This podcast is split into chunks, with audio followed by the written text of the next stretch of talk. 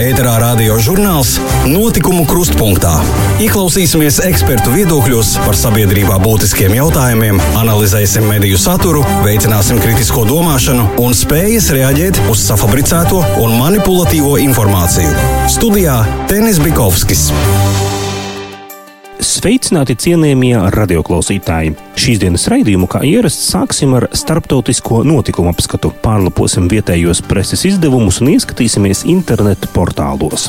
Vai mediju telpa Latvijā tiek pietiekami stiprināta, vai mēs joprojām dzīvojam divās informācijas telpās, un kā to pārvarēt? Uz šiem jautājumiem atbildes šodien sniegs Reizeknes Tehnoloģiju akadēmijas studiju programmas reģionālajie mediju un komunikācija vadītāja Sandra Murinska. Pirmsvēlēšanu laikā papētīsim arī kādām tēmām vērību pievērš portāla Sputnikņūs.com latviešu versija. Bet vispirms par būtiskāko, kas šonadēļ noticis pie mums un mūsu kaimiņu valstīs, mediju, cilvēktiesību un citās jomās. Pie mikrofona Laura Sondere Strode.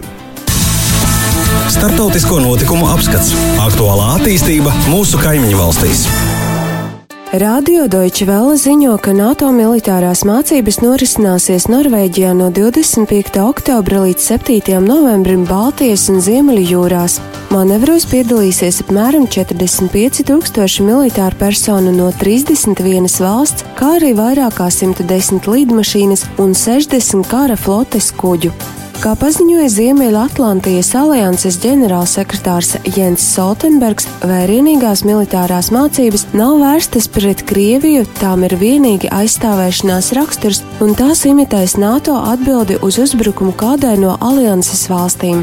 Kā zināms, augustā Krievija norganizēja plašas militārās mācības valsts austrumos. Saskaņā ar Maskavas sniegto informāciju šajās mācībās piedalījās apmēram 300 tūkstoši cilvēku.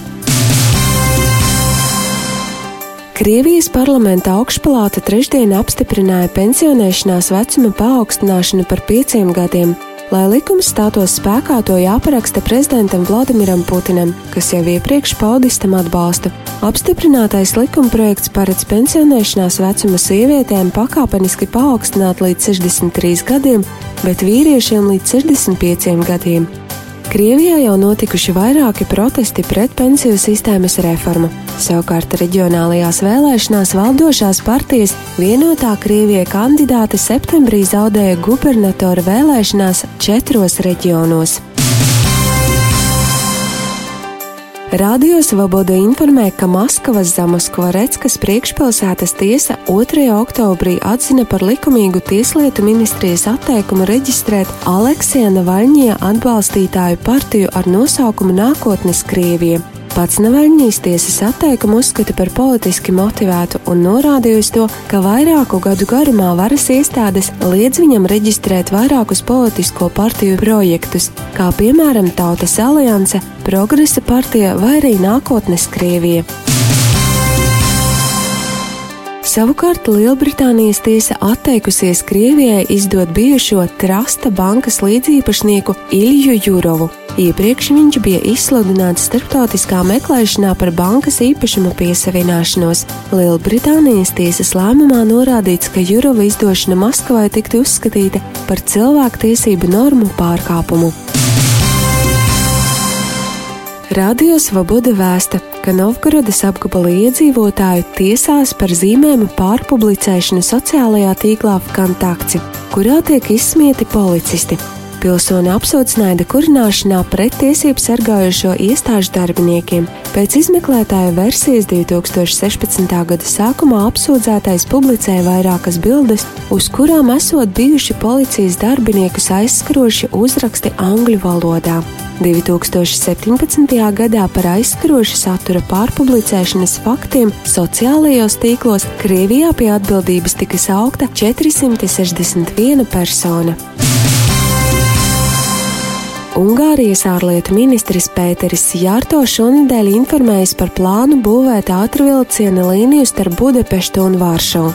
Plānotā līnija ļaus ātrvilcienam braukt ar ātrumu 250 km/h, pieturot tikai Budapeštā, Bratislavā, Brno un Varšavā. Savukārt Rīgā stacijā sagaidīts pirmais vilciens Kijava, Minska, Viļņa, Rīga. Pasažieriem pieejami deviņi kupējas vagoni un viens paaugstināta komforta vagons. Zīmīgus grozījumus ceļu satiksmes noteikumos šonadēļ apstiprinājusi Lietuvas valdība, kas būtu jāzina arī autovadītājiem no Latvijas. Turpmāk kaimiņu valstī būs aizliegts runāt pa telefonu, šķērsojot brauktuvi pa gājēju pārējām. Savukārt autovadītājiem turpmāk būs pienākums apstāties pie pārējas ne tikai tad, ja gājējs jau šķērso brauktuvi, bet arī tad, kad viņš stāv brauktuves malā un gaida iespēju doties pāri. Igaunijā Ukrainas pilsoņiem šogad izsniegts trīsreiz vairāk termiņu uzturēšanās atļauju nekā visu pārējo valstu pilsoņiem kopā. Kā prognozēja Igaunijas iekšlietu ministrija, līdz gada beigām oficiālo viestrādnieku skaits valstī sasniegs 22 tūkstošus. 2017. gada nogalē šis rādītājs bija tikai 7,5 tūkstoši. Lietuvas enerģētikas ministrs Žīgimants Vaičūns, kas šonadēļ atgriezies no vizītes Amerikas Savienotajās valstīs, cer, ka Vašingtona atbalstīs tās centienus apturēt Baltkrievijā topošos Astravjecas atomelektrostacijas celtniecību, vai arī bloķēt šai spēkstacijā ražoto elektroenerģiju, ja tās eksploatācija tomēr tiktu uzsākta. Spēkstacijas būvē Baltkrievija izraudzījusies vietu aptuveni 30 km no Lietuvas robežas Grodņas apgabalā. Arī no Latvijas robežas šo kodola spēkstaciju šķir tikai aptuveni 110 km.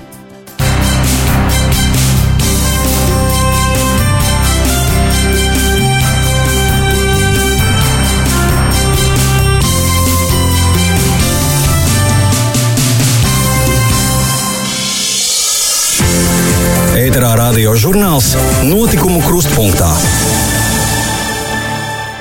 Tik tālu par notikumiem, kas skar mūsu kaimiņu valstis, bet raidījuma turpinājumā ieskatīsimies pašmāju preses izdevumos un internetu vietnēs. Latvijas preses apskats. Ko lasām, par ko diskutējam? Portāls Jēkabils laiks informē, ka Jēkabils valsts gimnāzijā septembrī darbu sākusi skolotāja no Ķīnas, kura līdz mācību gada beigām skolēniem mācīs ķīniešu valodu. Ik gadu 18. novembrī Jēkabils pilsētas pašvaldība apbalvo iedzīvotājus ar pašvaldības goda un atzinības rakstiem. Pilsētas iedzīvotāji aicināti iesniegt priekšlikumus Jēkabpiliešu apbalvošanai līdz 8. oktobrim, aizpildot veidlapas pilsētas pašvaldības vienas pieturas aģentūrā. Arī Līvāna novada pašvaldība aicina līdz 12. oktobrim pieteikt apbalvojumam kandidātus cilvēkus, kuri devuši ieguldījumu Līvāna novada attīstībā vai palīdzējuši līdzcilvēkiem cilvēkiem. Kā raksta Jēkabils laiks, pļaviņu novada iedzīvotāji savās paskastēs saņēmuši divus izdevumus ar nosaukumu Pļaviņu novada avīze. Viens vēsta par Zaļos un Zemnieku savienību, otrs par partiju KPVLV. Pļaviņu novada pašvaldība pauž satraukumu, ka iedzīvotājus šie izdevumi varētu maldināt, jo nosaukums ir ļoti līdzīgs Pļaviņu novada domes oficiālajam izdevumam Pļaviņu novada ziņas. Lai gan vizuāli šie izdevumi atšķiras, vairāk iedzīvotāji esot vērsušies domē ar jautājumu, vai šos materiālus veidojusi pašvaldība, mēs esam atbildējuši un uzsvēruši, ka Pļaviņu novada domē ar šo izdevumu nav saistības, skaidro domas pārstāve Sanita Kitajeva.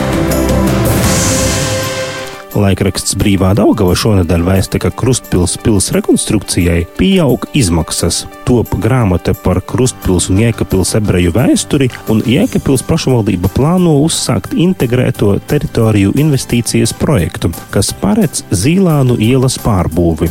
Domas sēdē nolemts ņemt projektu īstenošanai aizņēmumu valsts kasē līdz 195 tūkstošiem eiro. Laikraksts Latgales laiks jautā, kāpēc vajadzīgs krievu valodas aizliegums augstskolās. Pašlaik juristu grupa gatavojot prasību iesniegšanai Latvijas satversmes tiesā, aizstāvot privāto augstskolu, kura īsteno studijas krievu valodā. To plānots izdarīt tūlīt pēc 13. saimas vēlēšanām. Taču, neskatoties uz to, neviens nelolo cerības, ka tas kaut kā ietekmēs minēto aizliegumu. Laikraksts informē, ka Daugopils pašvaldība gatavojas pārdot izsolē divas vēsturiskas ēkas Daugopilī cietoksnī - objektu Mihaila ielā 9 un Imperatora ielā 1. Pirmās lotes sākuma cena ir 21 000 eiro, bet otrās 23 200 eiro. 20. un 21. oktobrī Daugopilī notiks starptautiskais jauno talantu konkurss festivāls Sapņi piepildās, ko ar Daugopils domas jaunatnes nodaļas atbalstu organizēja vietējā biedrība Ligzda. Festivālā piedalīsies līdz 500 dalībniekiem no Latvijas, Lietuvas, Igaunijas, Baltkrievijas, Krievijas un citām valstīm vecumā no 4 līdz 25 gadiem. Latvijas raksturošais portāls Lakuga.CLV informē, ka no 10. oktobra trešdienās 19. Daudzkom TV un no 11. oktobra ceturtdienās 17.33 TV kanālā būs skatāms jauns unikāls raidījums latviešu valodā laika leigačos, ko veido Latvijas entuziastu grupa Bildis. Tajā tiks vēstīts par Latgali sākot no Latvijas neatkarības atgūšanas līdz pat mūsdienām analizējot un salīdzinot vēsturiskajos video materiālos attēloto ar situāciju šodien, veidojot Latvijas spilgtāko personību kultūra un politika portretus un ieskatoties Latvijas kultūra telpas aktualitātēs. Raidījums veidots par godu Latvijas valsts simtgadēji, stiprinot piedarību Latvijas valstī un ceļot latgalisko pašapziņu. Raidījumu veidos trīs rubrikas - Viesturi solūtā, Latgulē nozīmīga personība un Latgulas kultūra telpas aktualitātes.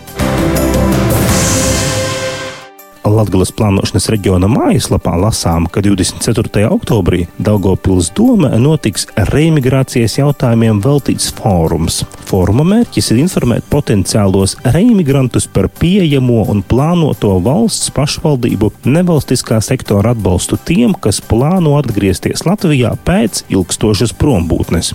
Tāpat lasām, ka Latvijas plānošanas reģiona Latvijas uzņēmējdarbības centrs organizē konkursu Latvijas reģiona uzņēmēju gada balvu 2018. Tiesības izvirzīt pretendentus konkursam ir jebkuram iedzīvotājam, organizācijai, komersantam un biedrībai, kā arī pašvaldībai.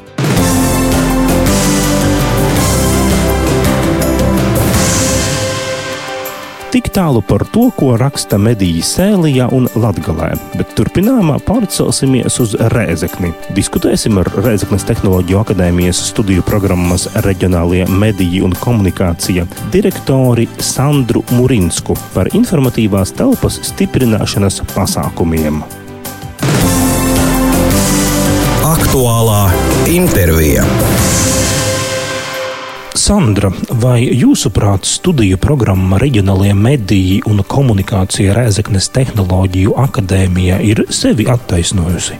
Protams, viennozīmīgi. Pirmkārt, esam kļuvuši par um, nozīmīgiem partneriem mediju politikas veidošanā tieši, jo nākam pārstāvam uh, reģionu. Kā jau teicu, šī ir vienīgā studiju programma med, masu medijos un komunikācijā Latvijas reģionā. Līdz ar to izstrādājot un uh, plānojot tātad mediju politikas jautājumus, arī kultūras ministrija ņem vērā mūsu viedokli un sadarbība notiek. Lūdzu, tātad tas ir tas pirmais. Otkārt, tiek runāts par mediju vidi akadēmiskā līmenī, jo tieši atkal jā, jārunā tieši reģiona kontekstā, jo studenti veids pētījumus, analizē šo vidi. Varbūt pētījumi līdz šim vēl nav iznākuši plašākā gaismā, jo bieži vien tā ir katrs, katrs savā jomā kaut ko dara, un mēs kaut kā nesatiekamies, mēs nezinām, ko, ko, ko dara citi, un tad mums uh, liekas, ka, nu, ka, ka īsti nekas nenotiek. Bet uh, tad jau pirmais izlaidums ir bijis, un uh, šogad, piemēram, viens varbūt nu, tāds novatorāks darbs, kas, kas tieši ir veltīts reģionālo mediju izpētē, bija vietējo laikrakstu dizaina izpēte, kas, kas arī ir novat, bija novators pētījums, līdz šim nepētīts, un tas, tas tā arī ir labs materiāls esošiem žurnālistiem, ko var izmantot savā darbā, smeltīs idejas, priekšlikumus, ko tad studenti ir strādājuši, ko viņi ir redzējuši, ko viņi ir izpētījuši. Lūk, tātad šis ir tas, tas um, akadēmisko diskusiju un pētījumu līmenis, jo uh, jāpiebilst, ka šī ir akadēmiskā maģistra programma. Tas nozīmē, ka šie studenti, viņi spēja vērtēt, analizēt mediju vidi. Tātad varbūt ne tas uh, primārais ir šis praktiskās iemaņas, jo uh, daudz arī nāk no, no jau esoša žurnālista. Tātad vairāk ir šīs te, uh, izpratne par to, kādai jābūt mediju videi un, un tā tālāk. Trešais nozīmīgākais - studenti atgriežas reģionā. Atkal mēs uh, sagaidām tie, tie, kas ir studējuši Rīgā, tātad turpina studijas maģistratūrā. Tas, tas tiešām ir ļoti mm, noderīgi gan mums kā akadēmijai, gan arī tātad uh, reģiona attīstībai kopumā. Priecē arī tas, to var minēt kā ceturto, priecē arī tas, ka studē ne tikai esošie žurnālisti, un jāteic, tos pat ir diezgan maz, jo pamatā tie vispār ir citu jomu pārstāvji, kam, kam interesē tātad žurnālistika, masu mediji. Viņi nu, vēlas saprast to vidi, kā tie darbojas, kā funkcionē. Un, nu, tas, tas varbūt tas pat reizēm ir, ir noderīgāk, ka viņi tās zināšanas aiznesīs arī citās jomās, īpaši mūsdienās, kad ir jādomā par, ka, ka mēs redzam visu šo informācijas pārbagātību. Tas varbūt pat vēl ir labāk nekā, nekā ir žurnālisti. Mēs zinām, ka daudz ir runāts par to, ka žurnālistikas kvalitāte Latvijā ir samērā zema par to, ka cilvēki, kas strādā Latvijā masu medijos, arī ir bez izglītības. Vai šī studija programma varētu celt arī to mediju kvalitāti un žurnālistikas kvalitāti Latvijā? Jā, noteikti, bet eh, ir tā, ka šobrīd eh, tā interese no esošo žurnālistu puses ir, ir mm, nu, diezgan minimāla. Jo man liekas, sabiedrībā daudz ir tādu cilvēku, nu, nezinu, tādi gribu teikt, tādi dīvaini eksperti, kas sēž pie, mm, uz dīvāna pie televizora un, un viņi, nu, viņi visu zina. Kā vajag veidot raidījumu, kā ir pareizi, kā ir nepareizi. À, tas tur, nu, Tādēļ tā ir tāda, manuprāt, kopumā sabiedrības problēma, ka, ka tie esošie arī varbūt uzskata, ka es visu zinu, nu, kāpēc man tur iet un mācīties. Runājot nedaudz par šo programmu, šī ir maģistra programma, vai ir apspriestas varbūt idejas vai ieceres par to, ka būtu līdzīga arī bakalaura vajadzīga, jo Latgalē nevienā augstākās izglītības iestādē bakalauru žurnālistikā nevar dabūt. Jā, tas, tas patiesībā pat būtu varbūt pat vēl noderīgāk Jo ir tā, ka uz šo brīdi, uz šo maģistra programmu nāk jau cilvēki, kuri pabeiguši šo bakalauru. Un, nu, viņi, jau, viņi jau zina, ko viņi dzīvē grib. Un, eh, līdz ar to ne visi, kā jau es iepriekš teicu, nav žurnālisti. Tas nozīmē, ka ir dažādi jomu pārstāvi, kur nestrādā žurnālistikā. Ja mēs sāktu ar bakalauru, jā, tad tas būtu noteikti eh, lielāks pienesums vietējo mediju darbībā un arī kvalitātes nodrošinā noteikti. Um, jūs esat sniegusi savu vērtējumu arī par Nacionālās elektronisko plašsaziņas līdzekļu padomes konkursos veidotajiem radio un televīzijas raidījumiem. Kāds ir skats no malas un uh, vai mediju telpa tiek stiprināta Latgalē, ja tomēr mēs tā, tā vispār arī mīņājamies uz vietas? Ir, ir dažādi piemēri, un uh, laikam es uzreiz tā negribētu apgalvot, nu, ka, tiek, ka viss ir nostiprināts un tiek stiprināts. Man gribas teikt, ka darbība notiek, un tas laikam ir pats svarīgākais, jo nu, stiprināt uh, var tad, ja es zinu, kas tiks sasniegts mērķis, jo, jo šobrīd ir, ir tiešām uh, Latgals reģionā ir redzama aktivitāte, tiek, reidot, tiek veidot raidījumi tātad gan radio, gan, gan televīzijā, taču vai, vai tie vienmēr sasniedz to auditoriju, līdz ar to tad, tad ir rodas jautājums, vai tiešām vai mēs sasniegsim to mērķi, ka, ka informācijas telpa būs stipra, aizsargāta, nodrošināta un, un tā tālāk. Jo kopumā tā problēma ir tajā, ka šobrīd lokālajam saturam ir grūti konkurēt. Taču tas ir nozīmīgs atkal rīks, lai stiprinātu, lai, lai veidotu šo te informācijas telpu, nu, tā teikt, būtu droša. Lūk, tāpēc tas ir, tas ir ļoti lokālais saturs, ir ļoti svarīgs. Taču kā kā pie tā pieredzināt, jo mēs arī paši redzot, ar studentiem esam veikuši pētījumu, kādus masu medijus patērē, nu, tie tomēr ir, ir tātad nacionālais starp komerciālie, nu, mazāk varbūt. Lai gan šobrīd arī sabiedriskie arī ir, ir aktuāli. Lūk, tāpēc, nu, viens tāds spilgts piemērs, ko man gribētos laikam minēt, manuprāt, ar ko var sākt, ir atkal šī, te, šī te jauniešu studentu iesaist. Un tas pats Pīci Breinami, kas šobrīd, nu, viņš ir, ir, ir jā, parāda, ka ir atradis savu vietu, savu nišu, savu savu auditoriju.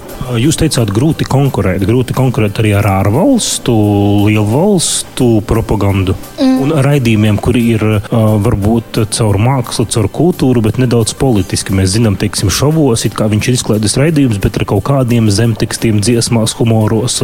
Mm, nē, es laikam biju domājis lokālajam saturam kā tādam, jo, uh, lai gan mums tas interesē, it kā interesē, bet tomēr, kur mēs to patērējam? Protams, ka mēs to lokālo saturu atkal vairāk patērējam šajā tīmekļa vidē. Un tur, tīmekļa vidē, tā nav viena, viena lapa, kur tikai kaut kāds informācijas monopols. Nē, un tur tad blakus nāk nacionālā, starptautiskā informācija. Un tāpēc tur tās robežas ir tik grūti, nu, to lokālo saturu ir tik grūti noturēt uzmanības centrā, tajā fokusā. Un tāpēc mēs aizējam uz, uz izklaidi. Nē, nu, protams, izklaide, lai atpūstos un izklaidētos, tas ir primārais, kādēļ, nu, ne primārais, viens no primēr, primārajiem, kāpēc lielākā daļa sabiedrības patērē masu medijus. Kuras, jūsuprāt, būtu tās tēmas, kuras mediji risina latgalē daudz par masu? Par ko latgalē būtu vairāk jārunā? Katram masu medijam mm, ir sava specifika. Tāpēc nevar tā pateikt, ka, lūk, tagad runāsim tikai par, par politiku, un tagad, Latvijā, piemēram, trūks saruna par politiku. Nē, es tā laikam negribēju teikt. Ir jāskatās kontekstā. Tad pirmais - katra medija specifika, tad ir noteikti žanrs, vai tad mēs ejam pie auditorijas, skatāmies jaunie, vidējie, tātad vecākā paudze, tad noteikti arī žanrs, skatāmies, vai mums atkal ir diskusijas, vai tomēr ir ziņu raidījumi, vai ir analītiskie, vai varbūt tomēr vajag šovu. Nu, Tas, tas būtībā es tiešām uh, neuzskatu par pareizi atbildēt, uh, nosaukt vienu tēmu, jo nu, tas būtu pilnīgi nekorekti, jo viena tēma der radio un otra neder uh, televīzijas formātam. Tas ir tiešām jāskatās kontekstā. Ir dzirdēts, piemēram, ka Latgalē trūkst analītisku raidījumu, problēmu risināšanas raidījumu, ka ļoti daudz kultūras un tādu labos tēmu. Varat piekrist? Uh, jā, tā mēs varētu piekrist. Jā, nu, lūk, tas atkal ir tāds uh, uzstādījums, uz ko mēs varam virzīties, ņemot vērā to, ka, ka tātad, ja mēs, piemēram, vai rādio ir vairāk kultūras, ok, tad vairāk, tad viņi strādā vairāk ar analītiskajiem, nu vai tieši otrādāk. Mēs šobrīd joprojām dzīvojam divās informācijas telpās, un, ja jā, tad kā to pārvarēt? Mm, jā, pirms vairākiem gadiem es arī tā, tā mm, apgalvoju, ka dzīvojam divās informācijas telpās, jo es vairāk strādāju šo pētīju vietējo presi. Šobrīd es laikam tā negribu vairs apgalvot. Mm, šobrīd mēs dzīvojam, es pat teiktu, vairākās informācijas telpās. Un, un pat savā, eh, pirmkārt, vairākās, un tad, ja mēs katrs atkal vērtējam sevi, sevi nu, tā individuāli, tad mēs atkal dzīvojam savā informācijas burbulī. Eh, pārāk pārāk, tiešām šobrīd ir pārāk daudz informācijas. Vairs uh, nav, nevienam nav tā, ka tikai vienam cilvēkam pieder informācija. Tās ir tik daudz un tik um, šobrīd tik grūti izvēlēties nu, vienu informācijas avotu. Tādēļ, laikam, tik, tik strikti es vairs negribētu nodalīt. Jā, es pieļauju, ka varbūt tajās pilsētās, mazpilsētās, kur tas iedzīvotājs sastāvs ir tāds uh, vairāk, tātad uh, daudz nacionāls, jā, tur vairāk varbūt tā sadalīšanās ir tā izteiktāka ka latviešu vai krievu informācijas telpa, bet eh, īpaši, ja, ja es runāju, tā kā es vairāk strādāju ar studentiem, eh, tad es redzu, ka viņu vidū ne, šī, šī problēma vairs nepastāv. Vairāk, vairāk problēma ir tajā, ka kuru, kuru tad vispār masu mediju patērēt un nedalot, vai tur eh, latviešu vai krievu un tā tālāk. Tur jau jautājums kopumā, kas, kas interesē nacionālajie jautājumi, starptautiskie jautājumi, kādu informāciju patērēt. Runājot par šiem masu medijiem, vai jūsuprāt vietējiem, piemēram, preses izdevumiem ir nākotne Latvijas mediju ainavā, jeb varbūt mēs drīzumā vispār visu informāciju iegūsim tikai no interneta. Mm, jā, nu, um, jau pirms vairākiem gadiem visu laiku tā izskan tā doma, nu, ka vietēji, vietējie laikraksti tūlīt beigs pastāvēt. Nu, tūlīt. Bet uh, atkal parādās konkursi, kuros, un starp citu arī, jā, vietējie laikraksti ļoti aktīvi piedalās šajos tātad valsts atbalsta konkursos, un, un redzam, ka tomēr pastāvēt grib. Nu, tur, tur, tur atkal jautājums būtu par kvalitāti, kā, kādu viņi tur saturu rada. Bet uh, tā, tā vēlme tā tad strādāt un pieļaut pieļauju, ka tiem cilvēkiem tas ir vienīgais darbs reģionā. Nu, tā, tas, tas ir aktuāli. Vai pastāvēs, nu, atkarīgs no tā, vai tur būs tie, kas, kas strādā, un vai tie jaunie mm, bakalaura maģistra studenti vai gribēs tur turpināt strādāt, veidot vietējos laikrakstus, vai tomēr viņi pāries uz šo elektronisko vidi. Jūs dzirdējāt sarunu ar Rēzaknes Tehnoloģiju akadēmijas studiju programmas reģionālie mediji un komunikācija direktori Sandru Murinsku. Ēterā radio žurnāls Notikumu krustpunktā. Radio žurnāla notikumu kruspunktā turpinājumā LV portāls LV redaktora Gunta Ščerbinska sagatavotais pārskats par Krievijas propagandas kanāla Sputņika satura plūsmu pirms 13. saimas vēlēšanām. Turpina Laura Sondore Strode. Melu dekonstrukcija. Sputņika ir daļa no Krievijas valdības mēdīju uzņēmuma Rasija Sivodņa. Kā atzinusi drošības policija, šī mēdīja mērķis ir nodrošināt Maskavas ārpolitikas interesēm atbilstošu vēstījumu un ziņu rāmējumu cirkulāciju citu valstu, tostarp arī Latvijas informatīvajā telpā. Sputņika Latvijas portālā pēdējā mēneša laikā acīm redzami nežēlastībā kritis Edgars Rinkēvičs. Pret Latvijas ārlietu ministru vērsta kritisku, izsmiejošu un noniecinošu publikāciju sērija veido mērķtiecīgu politiķa diskreditācijas kampaņu. Neviens cits Latvijas politiķis nav izpelnījies tik lielu Sputņika uzmanību. Rinkēvičs jau iepriekš te regulāri saņēmis pērienu, taču eļļu ugunī piešāvis politiķa priekšvēlēšanu gājiens, vēlētāju uzrunāšanai izvēloties saukli par spīti Kremlim, Latvija ir un būs izdevusies valsts. Pēc šādas Maskavas izaicināšanas Sputnikā sekoja dzēlīgas publikācijas, kurām likti tādi virsraksti kā piemēram Rinkēviča novēlējuma pēdās, ko Latvija var izdarīt par spīti Krievijai. Par spīti Kremlim nosaldējas mausis, sociālajos tīklos izsmēja Rinkēviča lozungu un citas. Rinkēviča priekšvēlēšana sauklis izsauca arī Krievijas ārlietu ministrijas reakciju. Tāpēc nav jābrīnās, ka attiecīgu informācijas plūsmu nodrošina valdības mēdīs. Zīmīgi, ka Sputņiku pirms sēmas vēlēšanām uztraucis arī tā saucamais Džordža Sorosa faktors. Kremļa rupors uzskatījis par savu pienākumu brīdināt, ka Sorosa ietekme Latvijas politikā ir nevēlama un viņa iespējas uz demokrātiju postošs. Atšķirībā no Rinkēviča, citus saimnes deputātu kandidātus Sputņiks pēdējā mēneša laikā saudzējis, ja pareizāk sakot, tie tam bijuši vienaldzīgi, izņemot vienu politisko spēku. Runa ir par Latvijas-Krievu savienību, kuras priekšvēlēšana idejas Sputņiks rāda atklāti pozitīvā gaismā. Vienlaikus mērķtiecīgi tika kultivēts Ždanukas partijas nevainīgā cietēja tēls. Šo politisko spēku nemitīgi vajojot varas iestādes. Latvijas Krievu Savienības deputāta kandidāts Ilija Kozirevs Sputnikā publicē viedokļa rakstus, kuros viņam ļauts aģitēt.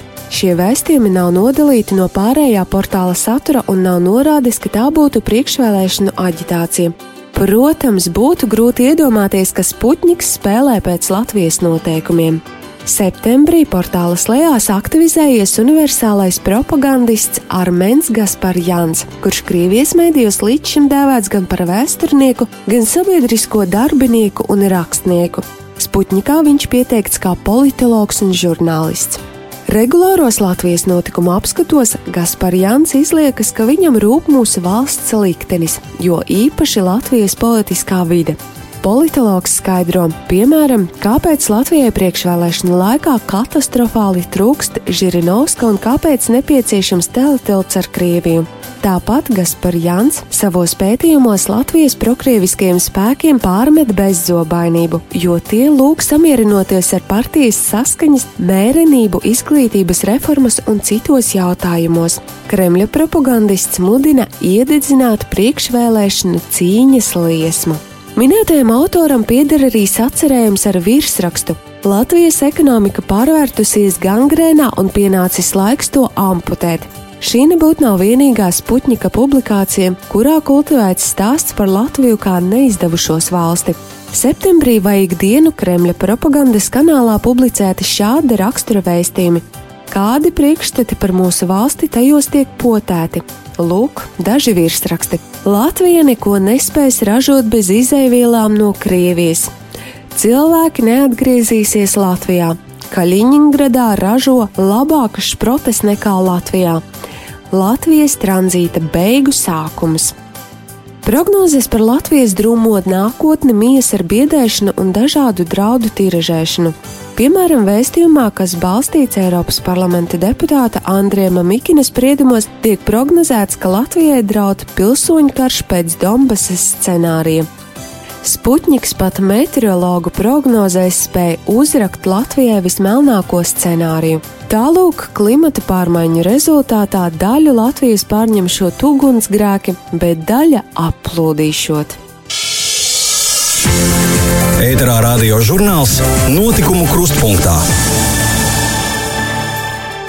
Jāpiebilst, ka Sputniks prot Latvijā saskatīt arī dažas labās ziņas, ja vien to vēlas. Tomēr zīmīgi, ka tās pamatā saistās tikai ar Rīgas domes rīkotajām aktivitātēm, piemēram, kultūras un izklaides pasākumiem. Ar to mūsu šodienas raidījums pietuvojas beigām. Paldies, ka bijāt kopā ar mums! Visu labu jums, klausītāji, abos Daugavas krastos vēlu es, Tenis Bikovskis, līdz nākamajai nedēļai. Radio žurnāls notikumu krustpunktā ir sagatavots ar valsts reģionālās attīstības aģentūras finansiālu atbalstu no Latvijas valsts budžeta līdzekļiem.